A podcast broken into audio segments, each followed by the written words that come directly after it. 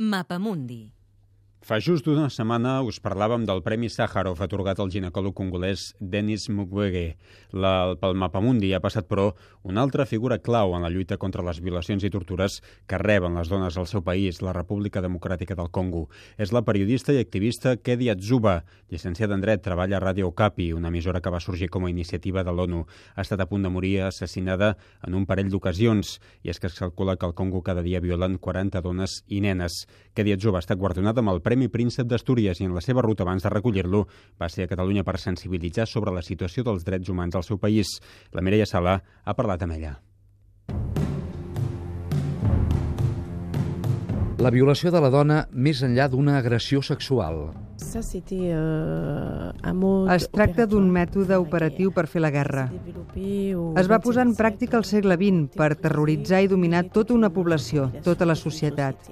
Com violen les dones? Doncs els introdueixen al sexe les armes, objectes punxants, plàstics calents, etc. Uh, chaud, ainsi de suite. Per què es vol aniquilar la dona? Quand la guerre a commencé, c'était la femme qui tenait... Quan va començar la guerra, era la dona qui portava l'economia informal del país. Per tant, per neutralitzar la societat, per neutralitzar la vida al Congo, calia atacar la dona. I atacar la dona vol dir que la dona ha de ser incapaç d'anar a treballar, incapaç de pensar, d'anar al camp, d'ocupar-se de les seves activitats econòmiques.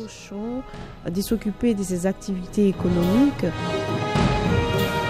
La justícia al Congo ja treballa per evitar les violacions. Il y a 5 ans, on pouvait pas penser que... Fa cinc anys era impensable que es pogués detenir un militar que havia violat, un comandant, un coronel que havien participat en una violació. No ens ho podíem ni imaginar, perquè eren senyors de la guerra.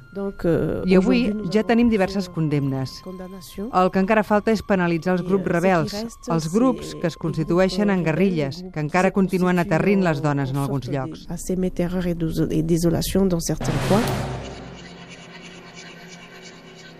Les multinacionals que compren el coltan, utilitzat per fabricar telèfons mòbils i altres minerals, són el rerefons del conflicte. Ceux qui sont coupables, ce sont ceux Els qui són culpables són els que fabriquen els telèfons amb materials que venen de zones de conflicte. Ells són plenament conscients que això que compren és il·legal, és il·lícit, i saben que hi ha dones que són violades a causa d'això i que hi ha nens que s'enrolen en grups armats a causa d'això. Qu'il y a des enfants qui sont enrôlés dans les groupes armés à cause de ça. El govern congolès intenta marcar els productes perquè se sàpiga si provenen de zones on es violen els drets humans. La traçabilité est en train d'être La traçabilitat s'està aplicant. S'han tancat totes les zones d'explotació mineral. N'hi ha una quarantena i només dues estan obertes per controlar la cadena d'importació i exportació. Però això no vol dir que no es faci trampa. A les zones que estan tancades hi ha grups armats que continuen explotant els recursos. Qui ho compra? No són els congolesos que ho compren. Qui achète C'est pas des Congolais qui achètent.